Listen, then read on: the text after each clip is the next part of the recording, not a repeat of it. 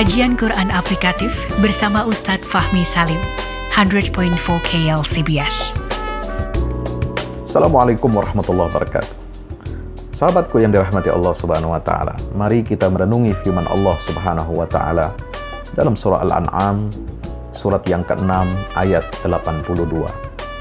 Allah berfirman, "Alladzina amanu wa lam yalbisu imanahum bizulmin, ulaika lahumul amnu wa hum muhtadun." Orang-orang yang beriman dan tidak mencampur adukkan iman mereka dengan syirik, mereka itulah orang-orang yang mendapat rasa aman dan mereka mendapatkan petunjuk. Mari kita lihat sejenak tafsir Al-Quran yang diterbitkan oleh Kementerian Agama. Ditulis di sana, karena sama sekali tidak ada jawaban dari kaum Nabi Ibrahim yang durhaka tersebut atas pertanyaan Allah di akhir ayat yang ke-81 yaitu yang berbunyi fa'ayyul fariqaini ahaqqu bil amni in kuntum ta'lamun? Manakah dari kedua golongan itu yang lebih berhak mendapatkan keamanan dari malapetaka?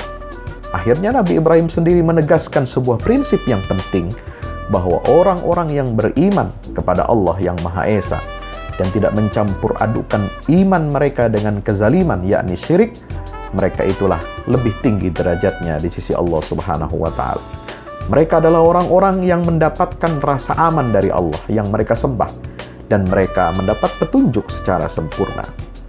Kezaliman yang dimaksud dalam ayat ini adalah syirik sesuai dengan hadis yang diriwayatkan oleh Al-Bukhari, Muslim, dan ahli ahli ahli hadis lain lainnya dari Abdullah ibnu Mas'ud radhiyallahu anhu dia berkata setelah turun ayat ini yaitu surah Al-An'am ayat 82 para sahabat berkeluh kesah seraya berkata, "Siapa yang tidak menganiaya dirinya ya Rasulullah?" Maka Rasul pun menjawab, "Tidak seperti yang kalian pikirkan. Sebagaimana firman Allah, "Inna syirka la zulmun azim." Sesungguhnya mempersekutukan Allah itu adalah benar-benar kezaliman yang besar. Surah Luqman ayat 13.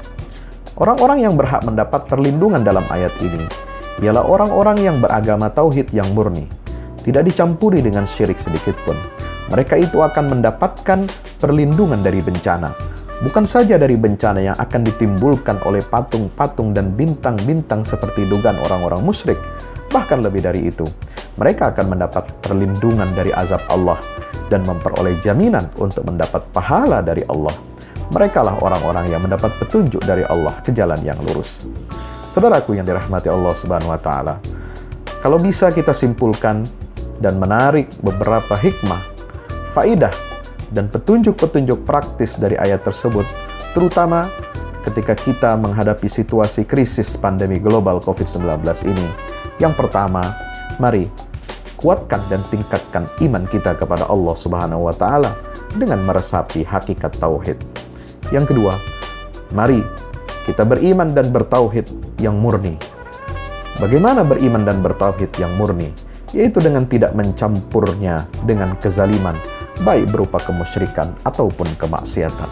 Yang ketiga, orang mukmin seperti itu akan diberi jaminan oleh Allah berupa rasa aman dari ketakutan-ketakutan, siksa dan kesengsaraan, serta petunjuk ke jalan yang lurus, sebagaimana dikemukakan oleh tafsir As-Sa'di halaman 293. Yang keempat, virus corona Wuhan dapat menyerang orang yang lemah imun, sementara virus Wuhan akan menyerah orang yang lemah iman.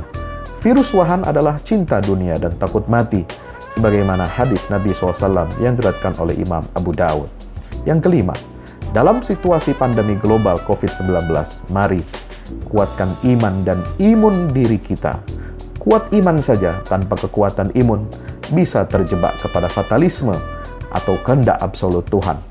Kuat imun saja tanpa kekuatan iman bisa terjerumus kepada free will atau kehendak absolut manusia. Yang keenam, jangan takut berlebihan kepada wabah dan juga jangan meremehkan tindakan pencegahan wabah. Orang yang ketakutan dan sembrono, apalagi yang minus iman, sebenarnya dia sudah sakit sebelum sakit betulan. Bahkan dia sudah mati sebelum mati betulan. Yang ketujuh, mari kita tingkatkan dan perbanyak doa, munajat dan istighfar kepada Allah Subhanahu wa taala agar dengan izinnya wabah ini segera berakhir dan kita selamat dunia akhirat. Wallahu alam bisawab. Semoga bermanfaat. Wassalamualaikum warahmatullahi wabarakatuh. Belajar tafsir Al-Quran dalam kajian Quran aplikatif bersama Ustadz Fahmi Salim, pendiri Yayasan Al-Fahmu International Indonesia, 100.4 KL CBS.